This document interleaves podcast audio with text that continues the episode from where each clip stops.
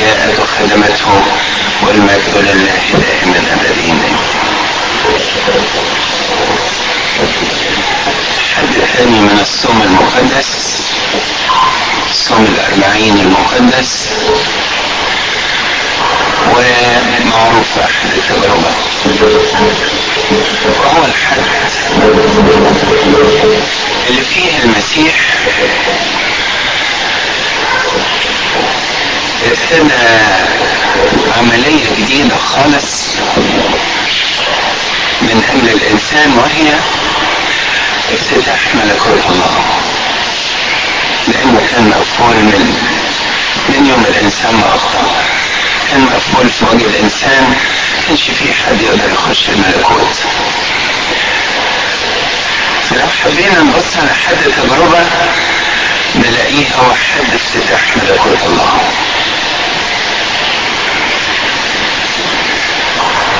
قديس ماري ساويرس كتب عبارة جميلة قوي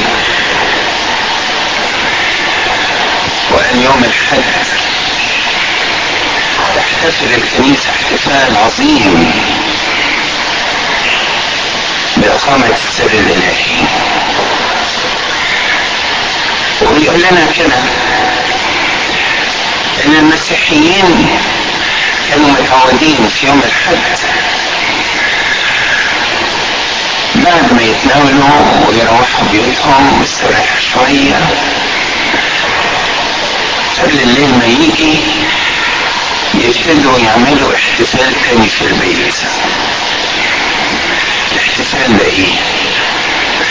قال يجمعوا ولادهم وقرايبهم واللي موجودين في البيت. واحتفلوا بقراءة الإنجيل المقدس قبل قبل الاحتفال بالتسبيح والصلاة. وده يورينا إن الفترة ديت الفترة ديت فترة الصوم المقدس ده دي فترة الإنسان فيها بياخد قوة قوة إيمان. وقوة ثقة وقوة فرح. تسنده بقية السنة كلها. لأن المجرب الصوم الكبير معروف. الصوم الكبير معروف إن هو الصوم بتاع التجارب فالصوم الكبير تكثر التجارب عشان كده ولاد ربنا لما يجي الصوم الكبير يفرحوا جدا. يفرحوا جدا. ليه؟ يفرحوا. لأن هم شافوا المسيح رب المجد. وهو بيخرج للبرية لو تبص كده على الترتيب اللي كتبوا الإنجيل المعمودية امتلاء من الروح القدس خروج البرية للتجربة ثلاث حاجات ورا بعض كده مهمين جدا وانتهت التجربة بإيه؟ قال الإنجيل يعني قال لنا إنه قال قال للشيطان اذهب يا شيطان. اهرب اهرب من وشي. اهرب من وشي. قبل ما قبل ما تكون حكمت على نفسك. عشان كده أحبائي في أسبوع التجربة نشوف المسيح بيحط لنا خطوات الانتصار على إبليس. ومكره وخداعه وكذبه وتزييفه للحقيقة ومحاولته إن هو يبعد الإنسان عن طريق الله. إزاي؟ إزاي الإنسان يبعد عن طريق الله؟ لما ينسى كلمة ربنا. عشان كده نلاحظ في حد تجربة إن ربنا يسوع بيكلم الشيطان من سفر التثنية. سفر التثنية الشيطان عارف إن المسيح من اليهود وعارف إن اليهود متمسكين قوي بكلام الله. عشان كده كل التجارب اللي جابها جابها له والمسيح بيرد عليه بناء على ال background اللي عند الشيطان عن المسيح إن هو ده ابن الله.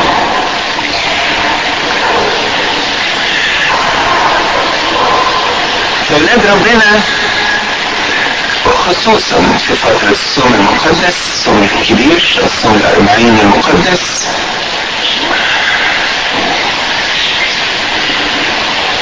نتيجة إن المسيح دخل التجربة وانتصر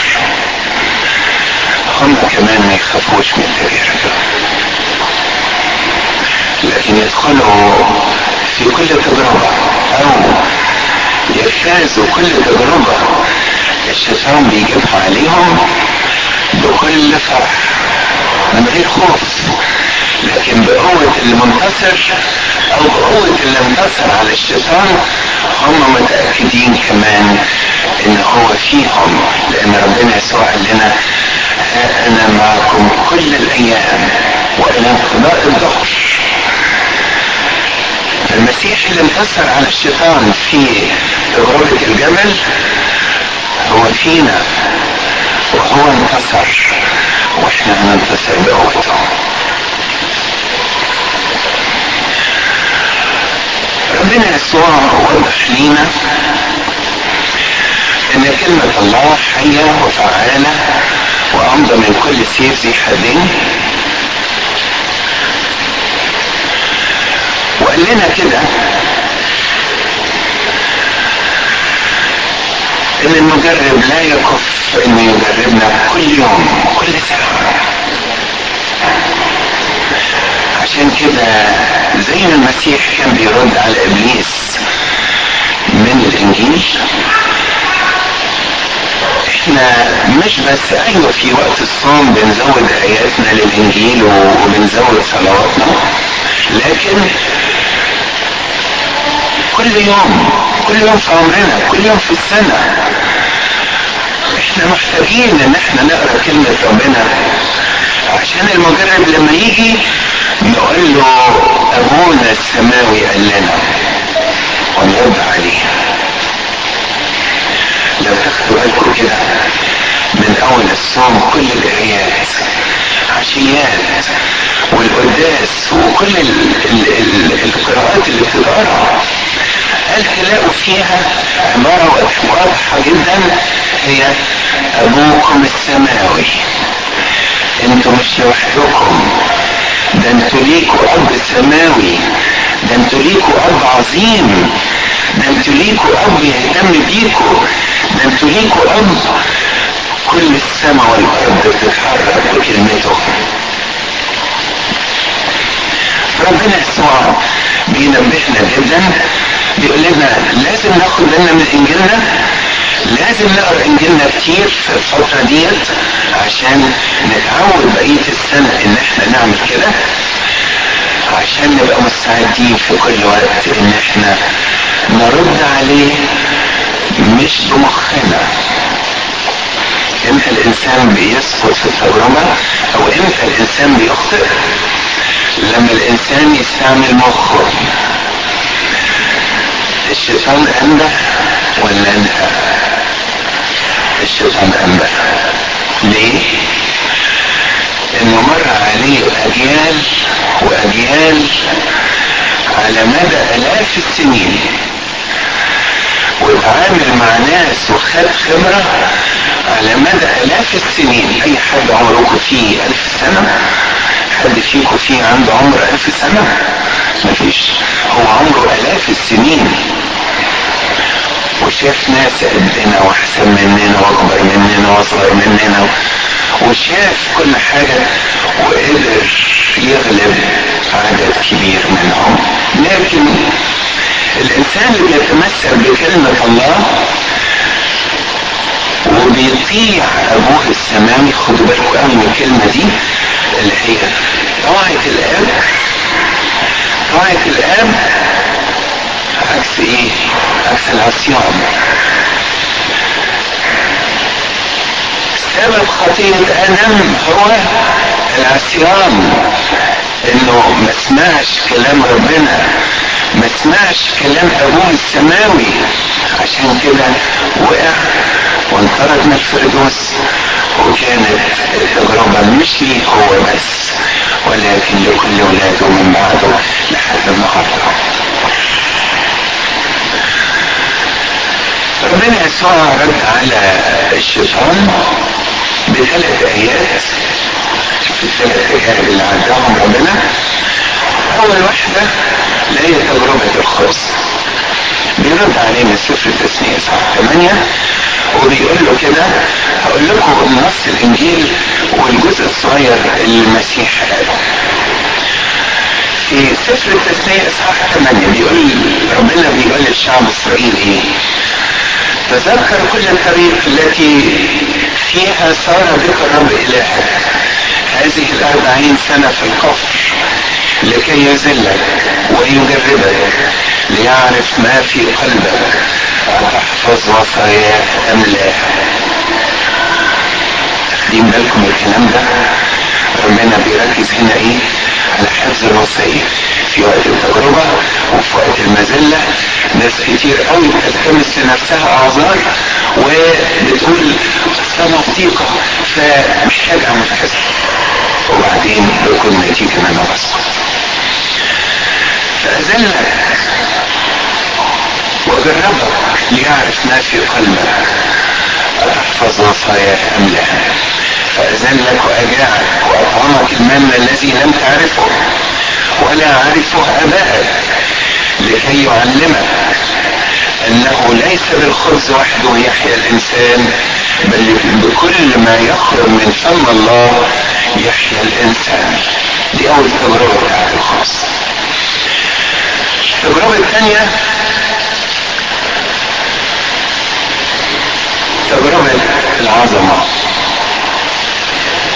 بيقول ربنا برضه بيقول للشعب إسرائيل خدوا بالكم كده احترز يعني خد بالك قوي. ربنا بيقول للشعب اسرائيل احترز لئلا تنسى إله الرب إلهك الذي أخرجك من أرض مصر من بيت العبودية. الرب إلهك تتقي وإياه تعبد وباسمه تحلف ربنا يسوع قال له إيه؟ للرب إلهك تسجد وإياه تعبد تتقي يعني إيه تتقي يعني في القلب خوف الله؟ في في القلب خوف الله؟ والإنسان في إحساسه بخوف الله يبقى رد الفعل المباشر إيه؟ السجود. ان الإنسان مش قادر يبص في الله مش قادر يتطلع في الله. عشان كده ربنا بيقول للشيطان ربنا يسوع بيقول للشيطان للرب الهك تسجد وإياه وحده. تعبد وبعدين في التجربة الأخيرة يقول له مكتوب في تثنية 16 16 لا تجرب الرب إلهك كما جربتموه في مسة يوم قالوا إحنا هنشرب منين وإحنا هنموت من العطش. التجارب الثلاثة ديت بتوري لنا إن ردود المسيح وهو ناخد منا في النقطة ديت إن المسيح هو كلمة الله. كلمة الله. كلمة الله اللي أرسلها زي ما هو مكتوب في الناموس بيد ملائكة. كلمة الله المرسلة بيد ملائكة. والناس اللي على الأرض حفظوها. ويجي بولس الرسول في العهد الجديد بيقول الله بعد ما كلم الآباء بالأنبياء كلمنا في هذه الأيام الأخيرة في ابنه إذا كانت كلمه الله اللي ارسلت بيد ملائكه والناس اللي لم يحفظوها صاروا مستوجبين عقوبة كبيرة. يبقى قد إيه كلمة ابن الله؟ كلمة الله المرسلة بابن الله. تبقى قد إيه مستوجبة؟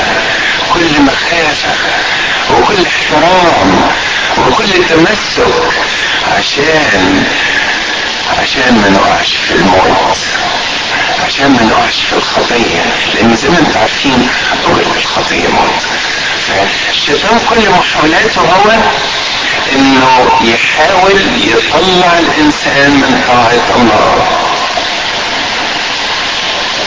يحاول يطلع الإنسان من طاعة ربنا عشان كده. كلمة ربنا ابائنا كتبوها وحطوها في كنز عظيم اسمه الإنجيل. لنا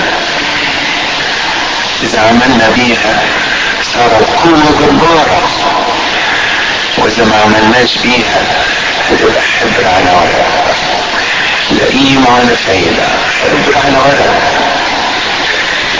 لكن الناس اللي تمسكوا بكلمة الله وتمسكوا بطاعة الله مهما كانت التجارب لا يمكن العدو أو لا يمكن المجرب يقدر عليهم أو يقدر ياخد منهم لا باليمين ولا بالشمال.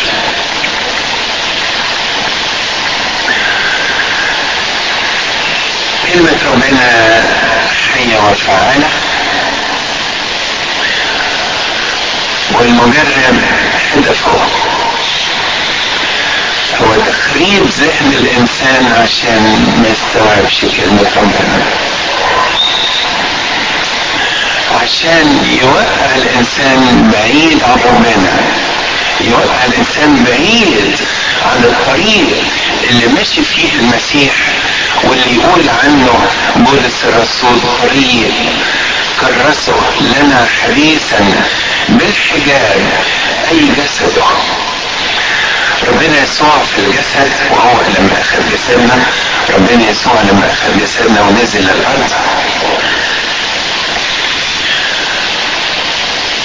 الشيطان لما كان يشوفه يشوف إنسان.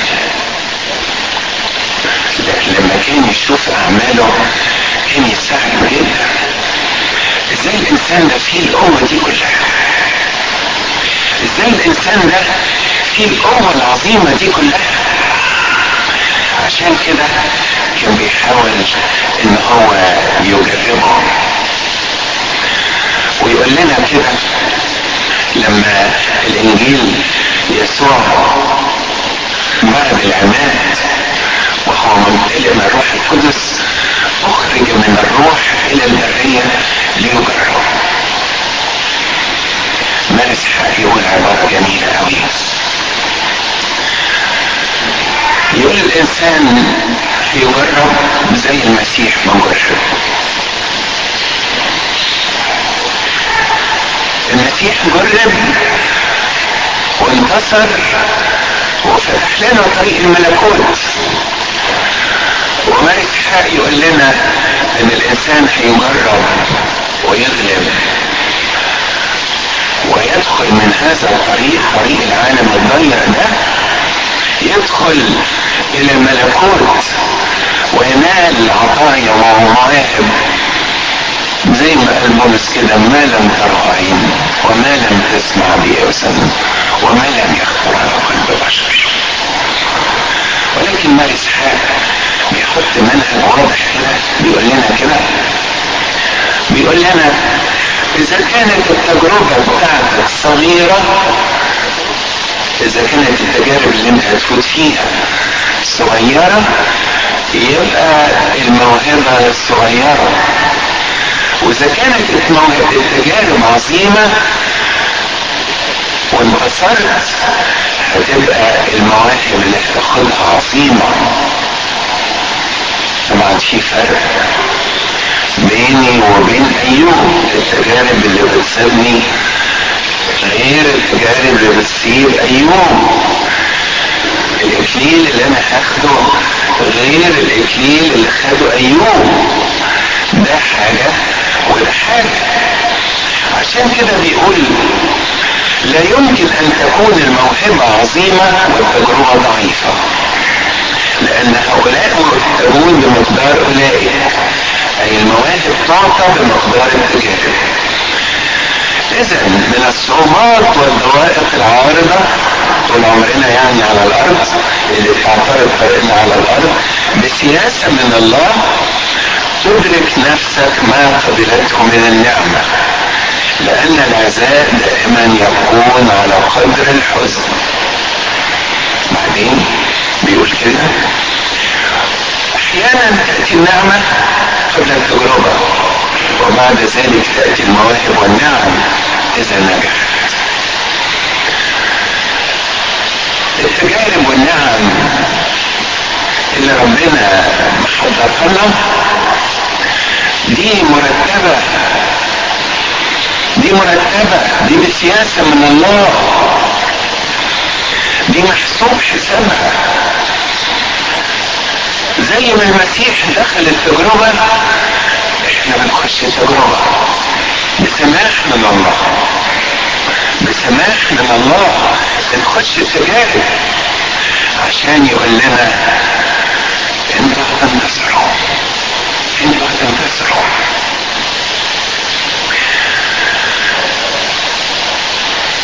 قصة جميلة قوي بتتقال عن الأم أنطونيوس.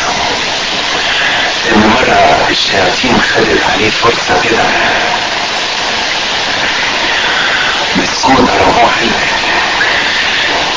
لما ما سابوهوش يعني غير لما حسوا انه مات كان واقع على الأرض ما فيهوش نفس. ولا إيد ولا رجل تتحرك دخل تلميذه لا أما انطونيوس مرمي على الأرض كده زي الميت. فرح شاله وداه الكنيسه عشان يصلوا عليه. كان في قرية قريبة من. أما تونس في الوقت ده كان ساكن في قبر قرب بني سويف غرب النيل كده. كان في هناك كنيسة باسم أو السيفين فخدوا للكنيسة ديت لأن القبر اللي كان عايش فيه أما أنطونيوس كان القبور في المنطقة دي حجر محفورة في الأرض كده فهو كان عايش في قبر منهم. فتلميذه شالوه واداه الكنيسة عشان عليه أهل البلد سمعوا. جم عارفين الأم أنطونيوس وبركته ومحبته ليهم فجم وقعدوا يعيطوا عليه. ناموا من الحزن. نص الليل كده. فاق أم أنطونيوس شوية كده. فلقى نفسه في الكنيسة. قال له أنا هنا ليه يا ابني؟ قال له أصل لقيتك كده الأرض فجبتك الكنيسة فانتبه أما أنطونيوس كده لأنه حس بالوجع اللي في جسمه وما كانش يقدر يمشي لكن ربنا أعطاه بمجرد ما عاتب ربنا كده في صلوات صغيرة وهو مرمي على الأرض في كنيسة ربنا أعطاه نعمة الروح كده. فقال له شيلني شيلني يا ابني. شيلني رجعني ليهم تاني. شاله ورجع للقبر بتاعه تاني من حيث الجسد أنطونيوس ضعيف جدا.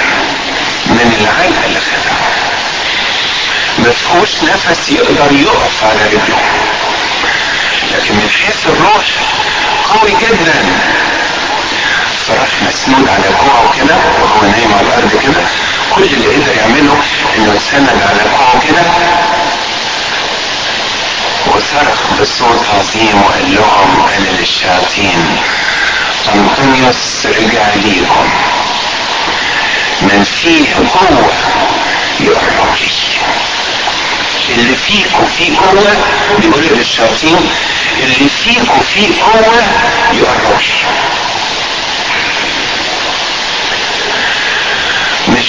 أم أنطونيوس لكن بقوة المسيح ساكن في الأم أنطونيوس وزي ما الآباء قالوا كده.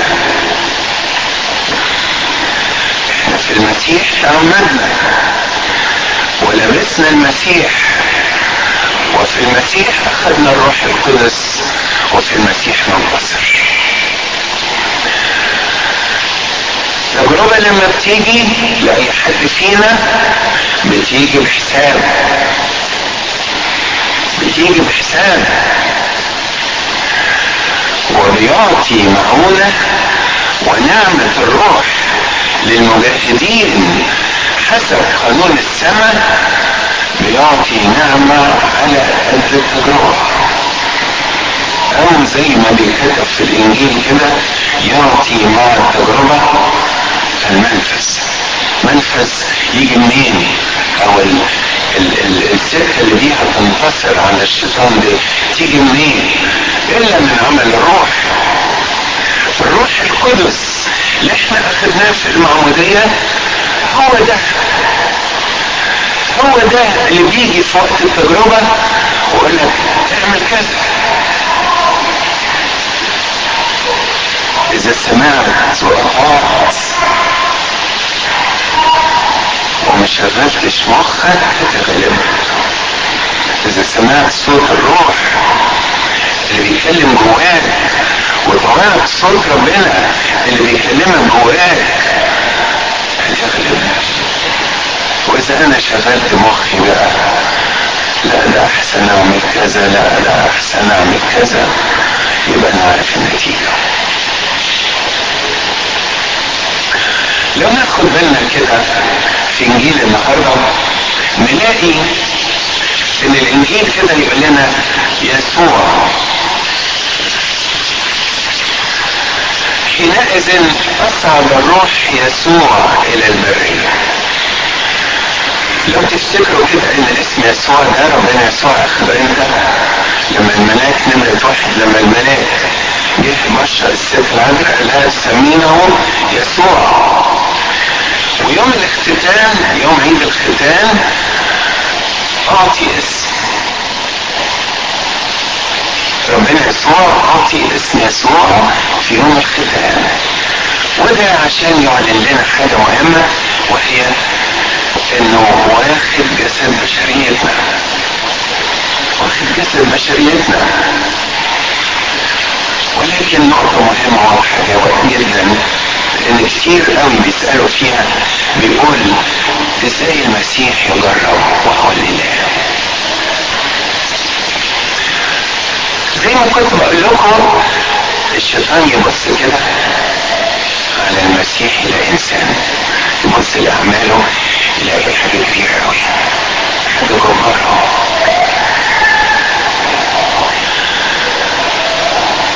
لأن هو في نفس الوقت. وهو حامل جسد بشريتنا هو ابن الله. وهو ممتلئ من الروح القدس. يقول أصعد الروح يسوع إلى البرية ليجربه.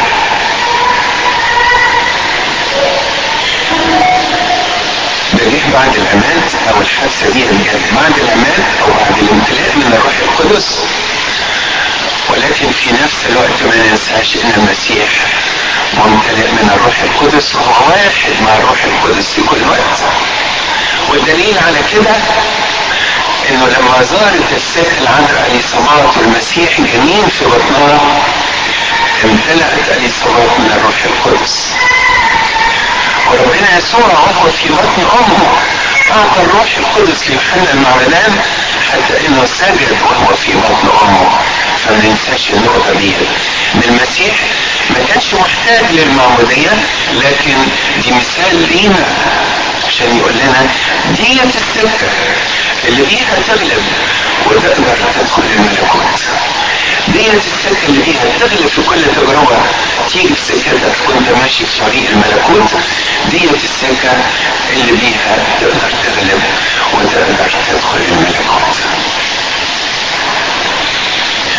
ربنا يسوع بدأ رسالة الخلاص.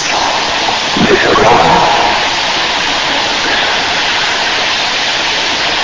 وبولس الرسول يقول لنا انه جرب بلا خطية في رسالة عبرانيين يقول مجرب مثلنا في كل شيء بلا خطية إزاي بلا خطية قال يعقوب الرسول يقول لنا كده. إن كل واحد مننا يجرب اذا انجذب وانخلع من شهواته لو تاخدوا بالكم من تجربة آدم نلاقي أدم أو نلاقي أمنا حواء بصت كده على الشجرة لقيتها جميلة. وشهية للاكل وجيدة للنظر. حلوة قوي. ونسيت بقى الباقي. نسيت كلام الله. نسيت طاعة الله. طاعة الوصية. طاعة الكلمة اللي قال لهم يوم تأكل من هذه الشجرة موتا تموت. نسيوا. فأكلت وسقطت في الخطية وفي الموت. بولس الرسول يقول لنا كل إنسان يجرب إذا انجذب وانخدع من شهوته. والشهوة إذا حملت كانت خطية والخطية إذا كملت تنتج موت أول مرحلة الخطية بتبتدي تدور في مخي لأن الخطية بتبتديش في الجسم تبتدي في المخ الأول. تبتدي في المخ لأن هو ده المدخل بتاع الشيطان. الشيطان يدخل لي إزاي؟ عن طريق المخ. افكار تتحرك في المخ؟ الجسد. يستجيب لهذه الحركة وبعدين اذا اكمل الخطية هنا يقع في الموت عشان كده الأفكار الشريرة دي معناها إن الشيطان حواليا بيقنعني إن الخطية جميلة ومخالفة الله كويسة وإن الموت جميل. وساعات بينجح إنه يقنعني إن الموت جميل. والبعد عن الله كويس. والموت يعني البعد عن الله.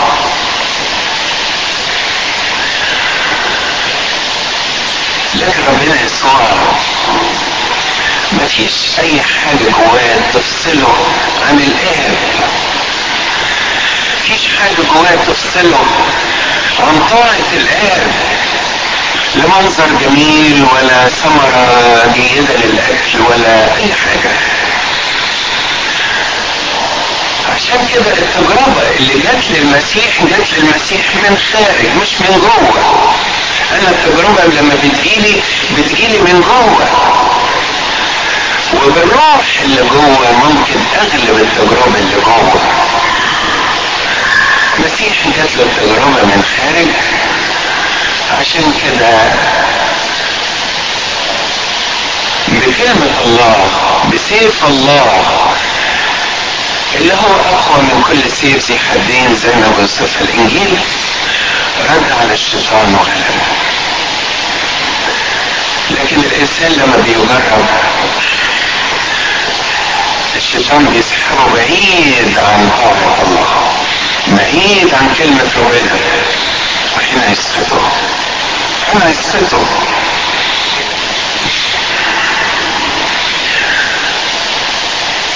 ربنا يسوع حب يورينا الطريق كإنسان كأنه بشر. عشان كده يجي في الرسالة العبرانيين بولس الرسول يقول كده كان يليق بنا رئيس كهنة مثل هذا. قدوس بلا شر. مجرد في كل شيء مثلنا بلا خطية لكي يقدر أن يعين المجربين تعامل ربنا مع الخطية هنا. أو تعامل ربنا مع الشيطان هنا. مش من بره مش من بعيد مش من السماء مش من موقف إنه إله لكن نتعامل مع الشيطان من موقف إنسان. عشان كده ربنا يسوع ابن البشر. بيعلمنا إن إحنا ناخد بالنا. مخالفة وصية الله هي اللي هتوقعني في الموت. مخالفة كلمة الله هي اللي هتوقعني في الموت. عشان كده ربنا يسوع لما دخل التجربة الأولى ورانا غلب ولما الشيطان فرقه إلى حين وهو مهزوم يعني يقول رجع الشيطان يجربه تاني على الصليب.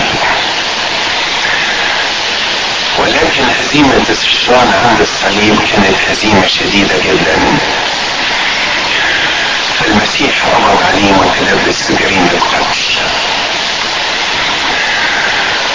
وبعته للسجن بعت الشيطان للسجن والهاوية لأنه اتمسك وهو متلبس بجريمة قتل ابن الله.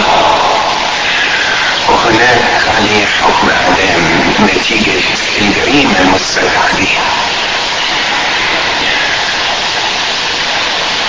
النهارده الشيطان احبائي كلنا نعرف واصغر واحد في يعرف ان الشيطان مقيد ومحبوس امال إزاي بيوقع الناس دول كلهم.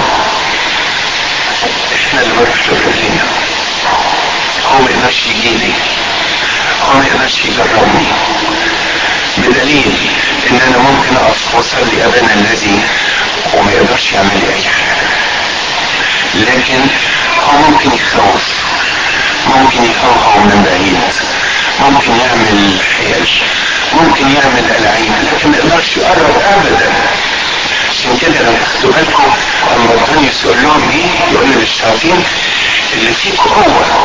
لو في واحد فيكم قوة يقرب.